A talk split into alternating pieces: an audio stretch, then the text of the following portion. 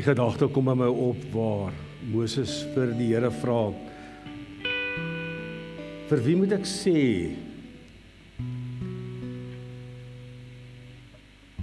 Wat moet ek noem as ek met die volk gaan praat en vir hulle sê wat ons moet doen? Dan sê die Here hierdie volgende woorde. Hy sê al wat jy vir hulle moet sê is ek is het jou gestuur. Miskien het jy vandag 'n prentjie van wie God is. Miskien het jy hom vandag in 'n boksie geplaas en Miskien kan jy vandag sê dit is hoe God werk, presies volgens hierdie riglyne want ek het hom geïdentifiseer en ek weet hoe hy werk. Ek wil dan vanmôre vir jou sê nee. As die Here sê ek is, is hy baie groter as wat ons kan dink. As jy vandag dink dat die Here is liefdevol, nee, hy is baie meer as dit. As jy dink God is groot, wil ek vandag ook vir jou sê, God is baie groter as wat jy in jou kop het hoe groot hy is. Liewe Vader, dankie dat ons vanmôre voor 'n God kan staan van wie ons maar net gedeeltelik weet hoe u werk. Hier het ons nooit ten volle kan besef hoe groot en hoe magtig u is nie. En dat ons vermoere sal besef dat dat u sien elkeen van ons raak. U sien elkeen se hindernisse, u ken elkeen se foute. U ken elkeen se uitdagings. Noem dit reuse, noem dit berge, noem dit woestyne, waardeur ons ook al moet gaan. U sien ons raak. Ek glo in my hart u vanmôre vir ons wil sê dat ek is is vanmôre saam met jou. Die ek is is so ongelooflik lief vir jou. En mag ons dit glo. Mag ons dit beleef. Ons kyk na u woord sê Job, ek het so baie van u gehoor, Here, maar nou het ek u gesien. En so baie van ons werk dalk op van hoor sê. Ons het dit van u gehoor en iemand het dit van u gesê. Maar u die begeerte dat ons u moet beleef. U die begeerte dat ons u sal ervaar vir wie u is. Dankie dat u 'n wonderlike God is die 'n liefdevolle God is en dat ons die voorreg het om U te kan aanbid. Ons eer U daarvoor. Amen. Vir die sit kyk soos hulle ou landsjou en ek weet julle haat dit as mense dit sê en ek hou ook nie daarvan as iemand dit vir my sê nie. Maar kyk dit vir die ou net landsjou en sê net vir hom God sien jou raak. God sien jou raak. Baie dankie, dankie aan ons musikante. Dankie Tess, dankie aan julle span, julle doen ongelooflik goed. Ons waardeer julle. Nou vir die volgende paar weke, 4 weke gaan ons bietjie praat oor vergete waardes. Ek dink waardes wat vir ons belangrik is, waardes wat vir 'n mens moet belangrik wees. En dan gaan ek ook gou vra dat al die hoërskoolleerders net gaan na agter toe beweeg vir die sonnaarskool asseblief. Lyk soos 'n American wave wat daar aan die agterkant opgaan. Dankie Justin. Mexican wave. Sorry. Bietjie noord, is alright. so ons praat 'n bietjie oor waardes en waardes is ongelooflik belangrik in 'n mens se lewe. Dan vra ek julle praat dan nou so vlugtig voor die tyd praat ons oor die waarde van waardes in 'n mens se lewe. Waardes is belangrik want as jy nie weet waarvoor jy staan nie, as jy nie waardes in jou lewe het nie, dan gaan daar een ding gebeur en dit gaan wees dat die wêreld gaan kom en hulle gaan hulle waardes bo op jou kom damp. En dit is wat jy dan gaan doen. So as jy vir niks staan nie, dan gaan enigiets wat oor jou pad kom, gaan dit 'n aantrekkingskrag wees om dit dan te doen. So waardes is ongelooflik belangrik. En as ons kyk in die woord van die Here, dan sien ons ook daar's 'n klomp waardes wat die Here graag wil hê ek en jy moet deel maak van ons lewens. Waarvoor ons moet opstaan, wat ons moet in glo. Is dit ook waardes wat ons moet oordra, nie net vir ons self hou nie, maar ook vir mense om jou, ook vir jou kinders, ook vir jou kleinkinders. Want dit kan hulle red, dit kan actually hulle lewens red.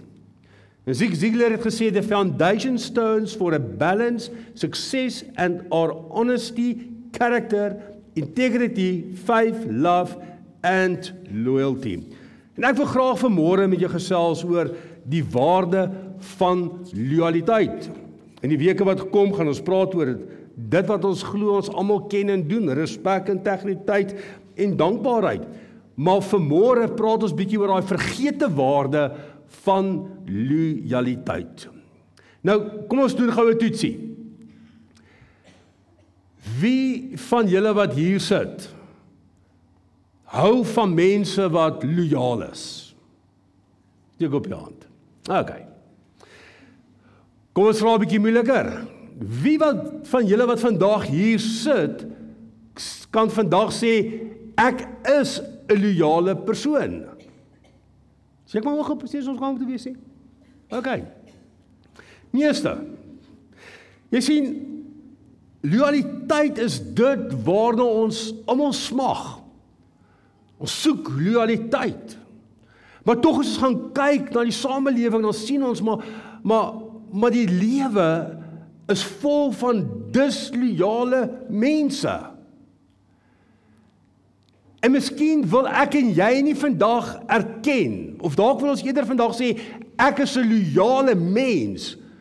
Maar eintlik wanneer die tekkie die teers laat en wanneer ons maandag weer begin en ons is by die werk en ons is weer in 'n skuis in 'n werksomgewing dan is daar krake.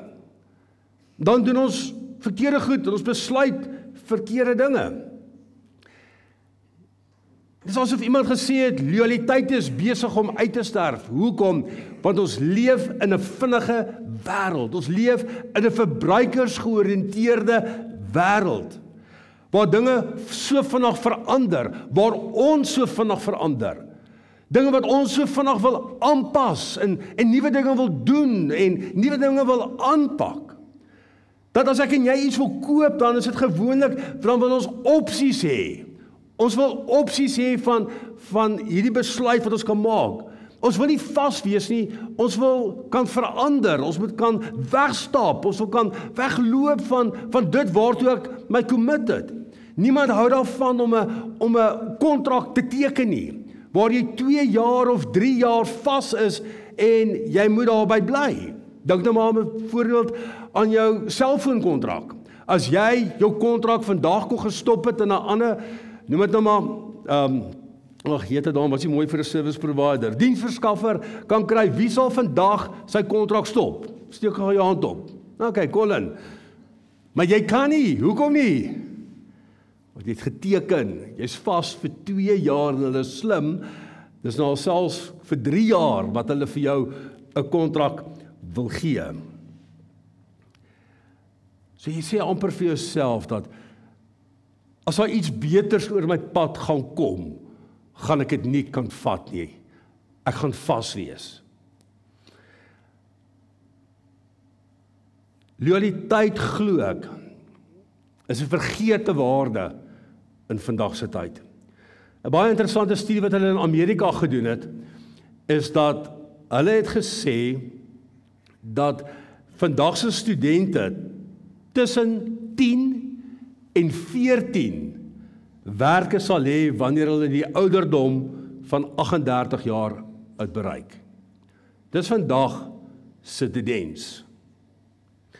In Amerika is 1 uit 4 werkers is by hulle huidige werkgewer minder as 'n jaar by hulle.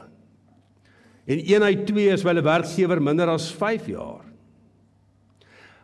Daar word bereken dat 'n gemiddelde persoon vandag eers sal settle na 15 verskillende verhoudings waarvan twee ernstige langtermynverhoudings sal wees en waar jy die ouderdom van 35 sal bereik.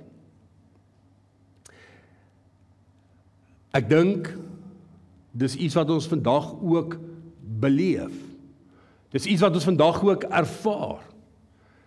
Dat mense, dalk jonger mense, ekskuus ek pik nou op die jonger mense nie, maak vinniger daardie besluite. Hulle is vinniger van een werk na 'n ander. As hierdie werk vir my beter geleenthede gee, dan gaan ek. As ek nie van die werkgewer hou nie, dan gaan ek. Dis asof mense bang is om vir sekere goed te commit. Bang is om te sê ek gee my lewe vir 'n saak. En ons gaan dan nou kyk, daar's 'n paar mooi voorbeelde wat ons ook nog gaan kyk vanmôre. Lees hier 'n storie van 'n man na 'n lang siekbed gesterf het. Maar nou het ek ook al gehoor mense sê if you want loyalty get a dog. As jy loyaliteit wil hê, kry 'n hond. Hy sal bly wees in sy sterf. Waar is hy daar stop? Maak nie saak of jy met hom geraas het of wat ook al die hy sal bly wees om jou te sien. So het hierdie man tot sterwe gekom en sy hond by sy op sy graf gaan lê. En kyk 'n bietjie na die fotootjie wat ons vir wil opsit.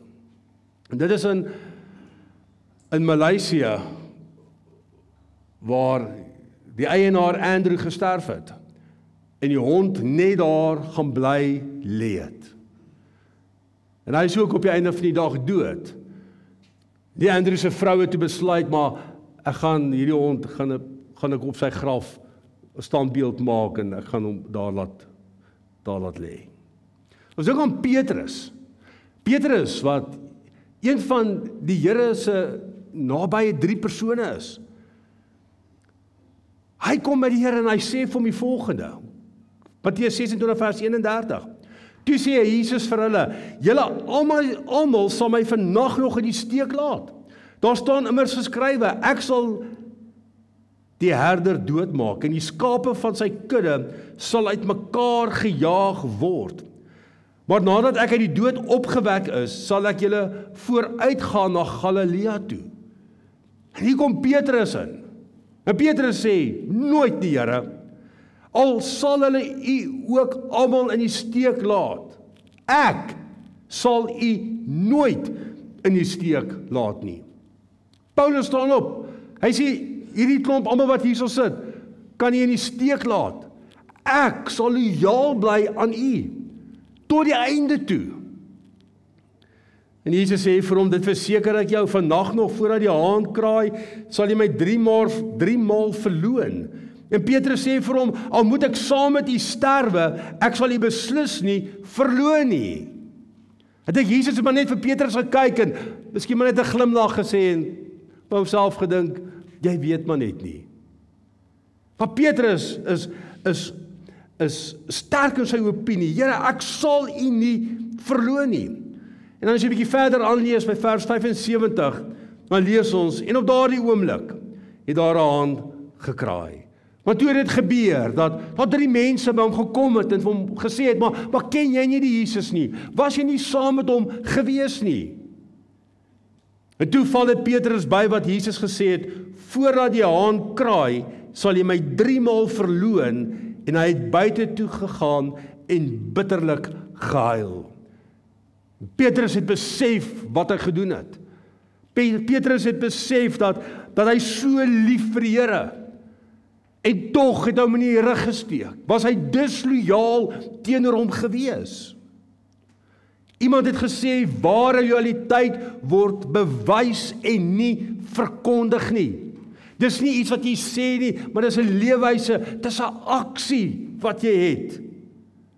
Jy kan baie maklik praat en jy kan baie maklik sê dat ek 'n lojale persoon of dit is wat ek wil doen en dis my woord, maar tog hoe lyk dit in die praktyk? Wanneer jy die keuses moet maak, wanneer jy die besluite moet maak. En so in 2 Samuel vind ons vind ons ook 'n soortgelyke gedeelte. En ek wil graag hê dat jy gou saam met my moet lees. 2 Samuel 15 vanaf vers 13 tot 22. Dawid vlug uit Jerusalem. Toe kom daar iemand by Dawid met die berig: "Die hele Israel is aan Absalom se kant." Nou kom sien gaan miskien gou so 'n bietjie agtergrond. Absalom was Dawid se derde seun gewees by Maaka. Was 'n aantreklike jong man gewees. Dis ook hy wat sy halfbroer vermoor het omdat hy vir sy sussie Tamar verkrag het en hy het gevlug en hy het vir 3 jaar weggebly en een van Dawid se generaals met die naam van Joab het jy gesien maar hierdie situasie is nie gesond nie.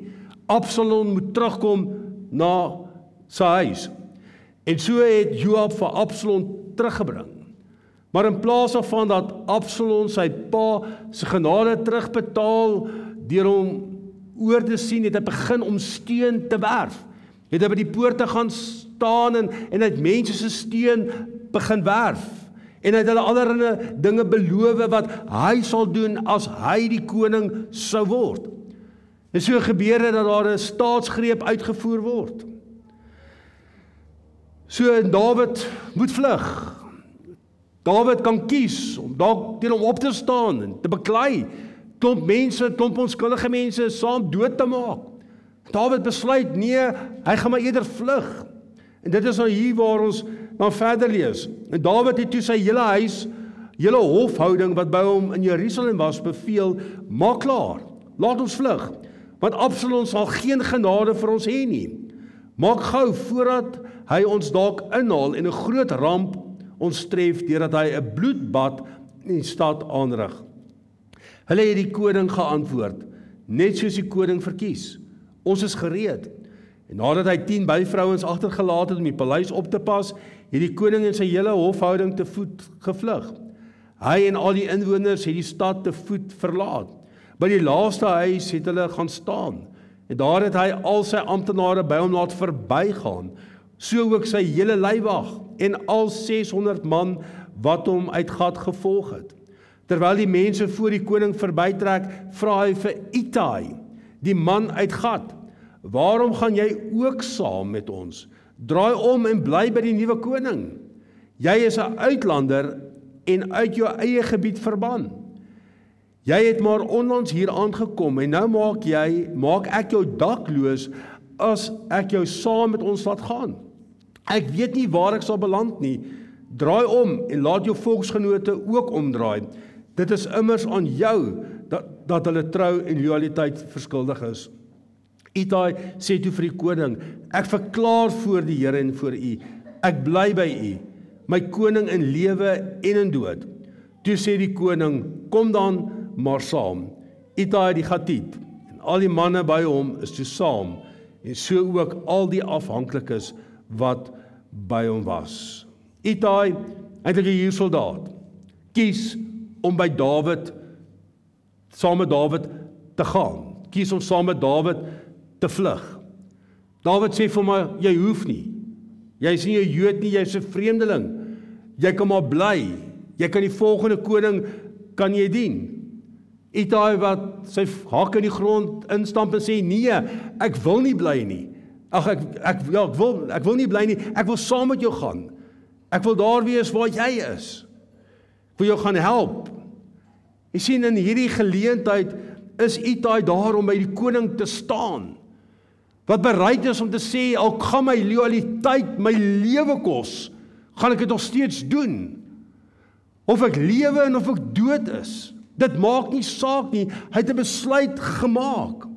Jy sien loyaliteit word gewoonlik gewys wanneer want as jy die pop of die fan tref, wanneer dinge uitmekaar uitgaan. Loyaliteit word nie gewys wanneer almal gelukkig is en alles net goed en almal net veilig is nie. Nee. Loyaliteit in hierdie konteks beteken jy kan sterf. Dit word gewys wanneer dinge skeefloop. En veral wanneer dinge vir jou skeefloop. Daarom dink ek is daar 3 areas wat ek graag net so vinnig wil uitlig. Dit wat loyaliteit nodig het. Loyaliteit aan jou vrou, loyaliteit aan jou gesin. Dit is die eerste belangrikste loyaliteit wat daar is. Naas natuurlik God. Hoekom? Want 'n belofte afgelê. Loyaliteit sê ek sal by jou staan deur dik en dun. Ek sal deur jou staan al gaan jy al het jy is daar siekte. Al is daar wat ook al wat gebeur of wat se krisis jy ook ervaar. Loyaliteit sê ek staan by jou en dit maak nie saak wat gebeur nie. Loyaliteit is dit wat 'n band vorm. Loyaliteit sê ek maak nie 'n korttermyn besluit nie, my besluit is vir ewig tot die dood ons sal skei. Loyaliteit teenoor jou gesin en jou mense. Loyaliteit om te sê maar ek staan by hulle. Al weet ek hy is of sy is so verkeerd. Ek sal by hom staan. Loyaliteit is amper dit dat as iemand van jou man of van jou vrou of van jou kinders iets sê, is jy baie vinnig om te reageer. Dan het ek al baie keer gehoor dat mense sê as iemand iets sal sê, sal ek dit sê. Maar nie ander mense nie. Want jy wil beskerm, jy wil by mekaar hou. Jy wil versigtig wees. Loyaliteit is daai kombers wat jy oor mense gooi. Maar daai loyaliteit word so maklik ook ook seer gemaak. En jy kan dit self op 'n baie ligtelike manier ook doen. Miskien met 'n grappie of iets wat jy sê wat kan seermaak, wat onvanpas is, wat nie reg is nie. Ek dink daar's 'n tweede loyaliteit wat belangrik is en en dit is loyaliteit teenoor vriende om mense deel van jou lewe te hê. Ja, ons sê altyd ja, vriende is belangrik, maar jou ware vriende word baie keer gesien juis in tye wanneer dit met jou swaar en moeilik gaan of wanneer jy in 'n krisis is. Dat mense bly nie net lojaal teenoor vriende omdat daar iets of 'n voordeel in hierdie vriendskap is nie. Hulle bly lojaal selfs wanneer dit nie hulle plig is om jou te help nie. So as kyk na Spreuke 20 vers 6 sê egte vriendskap is skaars. Baie sê hulle is jou vriend, maar min sal jou deur dik en dun ondersteun.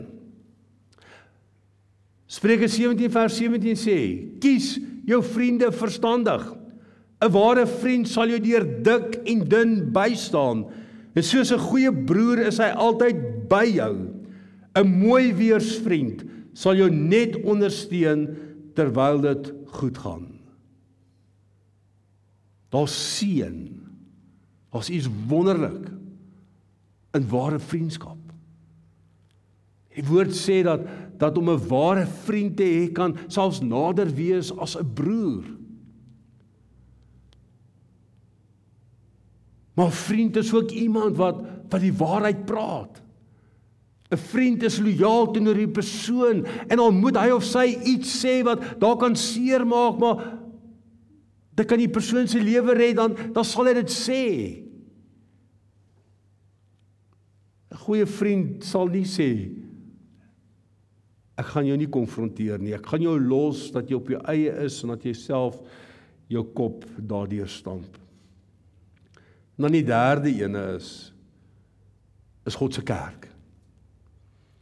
As ons kyk na die kerk, is daar 'n praat ons van kerk as dit wat ons vandag hier bymekaar kom, maar ook kerk in die sin van ek is die kerk van die Here. Ek verteenwoordig hom waar ook al waar ook ek al gaan, wat ek ook al doen. As mens so vir kyk op vandag se tyd dan dan sien ons dat dat mense se tyd het het so begin raak dat hulle nie meer tyd het vir dit wat die belangrikste is nie.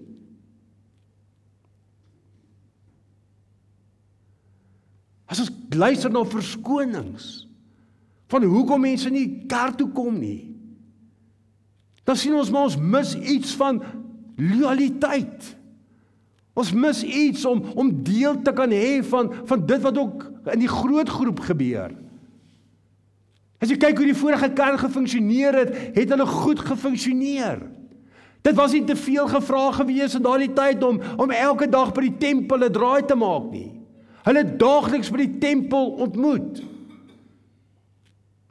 Hulle het by mekaar gekom, hulle het geleenthede gehad. Wanneer daar nood was, het hulle gehelp, het hulle bygestaan, het hulle saam verkoop, het hulle saam gegee. Miskien sal jou antwoord vandag sê dis dalk 'n bietjie van 'n 'n kommunistiese model. Maar dis wat hulle gedoen het.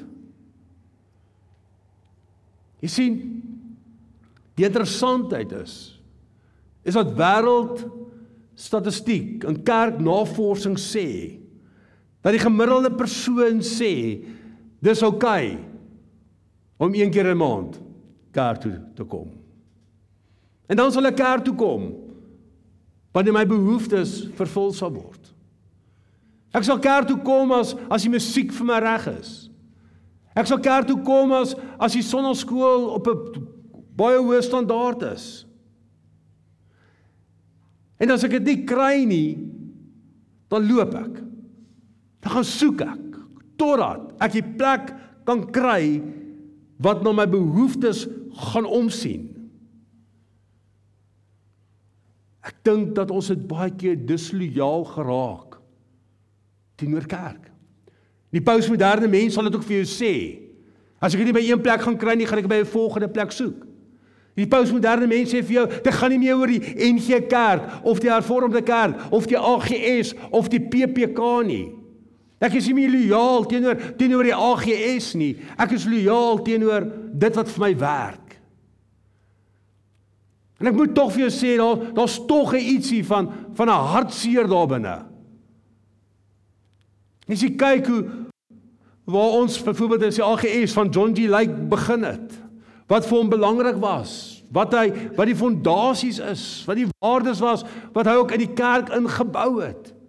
Dis iets om op trots te kan wees. Dis iets om te kan sê ek wil nie dislojaal wees nie. Ek wil eienaarskap neem. Ek wil deel wees van die oplossing. Ek wil kom help. Ek wil my hand opsteek. Ek sien julle te behoefte daarin. Hier is ek, gebruik my. Ek is 'n ekspert in hierdie veld. Hoeveel te meer kan die kerk nie baat vind daarby nie? Ek dink dis wat hart wys. Dis wat belangrik is. Hoekom? Hoekom moet ons loyale mense wees? Vir die rede God is 'n loyale God. Geset beteken God is loyaal. God wil hê dat ons dieselfde waardes as wat hy het ook uit sal leef. Maar waar lê die probleem? Hoekom sukkel ons daarmee? Ek dink dit kom vanuit 'n geverdeelde hart uit. Want hoekom? Want die Here vra jou hart. Dat ons dink baie keer as ons het, as ons ons hart gee, dan is dit reg. Maar hy soek jou hele lewe. Hy soek nie jou hart nie. Hy soek jou as mens. Hy soek jou volkome. Hy soek jou totale lewe. Hy vra jou hart. Soos kyk na Jakobus 4, dan sê hy hierdie woord. Hy sê kom nader aan God en hy sal nader aan julle kom. Was julle hande van die sonde wat daarin kleef. Julle sondaars, maak julle harte skoon. Julle twee gesigte wat nie kan besluit aan wie julle getrou wil bly nie. Trane moet wys julle is jammer oor die verkeerde goed wat julle aangevang het. Treur en huil. Julle gelag moet in droefheid verander en julle blydskap in in bedruktheid. Jakobus sê nader tot God. Jakobus sê kom by God uit. Gaan doen selfondersoek. Gaan kyk hoe lyk jou hart. Gaan soek God in jou lewe. Dit gaan nie oor jou eie drome nie, dit gaan nie oor dit wat jy goed dink nie, dit gaan oor dit wat reg is. Wat is so mooi, kom nader aan God. En hy sal aan en hy sal nader aan julle kom. As ek en jy een van die waardes soos loyaliteit wil verstaan sal ons by hom moet uitkom wie se karakter spreek van loyaliteit. Want God was loyaal teenoor my en jou. God was ongelooflik lojaal geweest. Want so lief het God die wêreld gehad dat hy sy enige gebore seun gestuur het. Hy was lojaal geweest.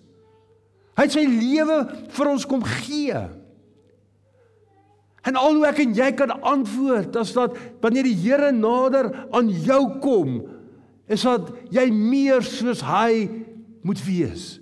Dat jy meer soos hy wil optree. Miskien is al die waardes se se se se Noem dit nou maar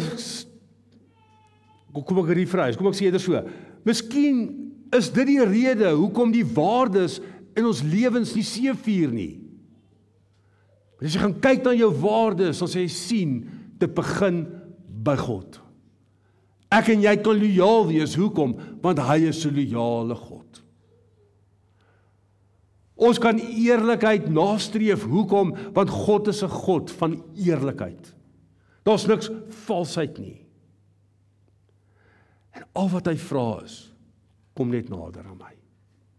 En ek sal tot julle nader.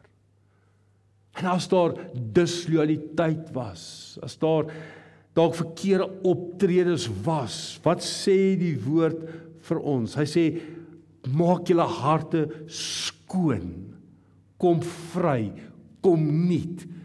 Want daar's genade en dis ook 'n waarde, 'n waarde wat ons kan aanleef is om genade te kan bewys en genade te gee. Hoekom? Want God is 'n God van genade. En gewoonlik wanneer mense dislojaal is, is daar groot stikkenheid en daar's groot seer wat daarmee saamgaan. Maar dis nie waar dit stop nie. God sê kom. Laat ons dit met mekaar uitsorteer. Dat jou hart skoon maak. As jy daaroor moet treur en daaroor moet huil, dan huil jy daaroor want jy besef dat jy het gefouteer en jy het nie reg opgetree nie. Maar daar's genade daar's liefde. En die bewys is daarin dat God sê ten spyte van dit wat jy gedoen het ten spyte van die manier hoe jy opgetree het of wat jy verkeerd gekies het sal ek altyd lojaal aan jou bly. Sal ek jou altyd raak sien. Sal ek altyd deel van jou lewe wees mag ons leer by hom. Mag sy hart ook in in ons hart klop. Mag ons begin dink soos wat die Here dink. Mag ons dit wat hy vir ons as Jesus vir ons kom kom kom kom leef op aarde en die voorbeeld wat hy vir ons kom stel het, mag ons daai voorbeeld aangryp. sodat ons hierdie pad kan voltooi waarop ek en jy is. God sê vandag ek is lojaal teenoor jou. Want ek is lief vir jou. Maar hy vra ook vandag wees 'n lojale persoon. Al skree die wêreld uit. Dislojaliteit is nie orde van die dag. Dat die kerk van Jesus Christus kan opstaan Jy kan sê ons maak foute. Ons stree verkeerd op. Maar ons is lojaal teenoor God. En ons is lojaal teenoor oor mense. Mag die Here jou help. Mag jy sy gees in jou lewe ervaar. Mag jy sy stem in jou lewe hoor. Van elke elke keuse wat jy moet maak dat hy jou sal rig en dat hy jou sal beskerm en dat hy jou sal wil wil help om die regte pad te loop, maar dat jy sal luister daarin. Maar dit sal alleenlik gebeur as jy tot die Here nader. En hy nader tot jou en jy sy stem kan hoor en kan optree soos wat hy graag wil hê ek en jy moet optree. Kom ons sluit ons oë. Dan bid ons saam.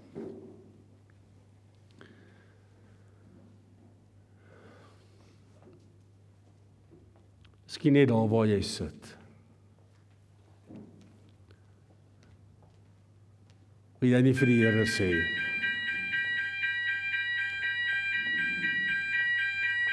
Ek wil 'n loyale persoon wees.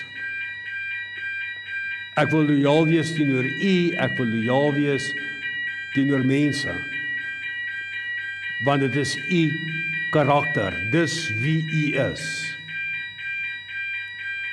Here, my gebed is dat elkeen wat vandag hier is, nader aan U sal beweeg.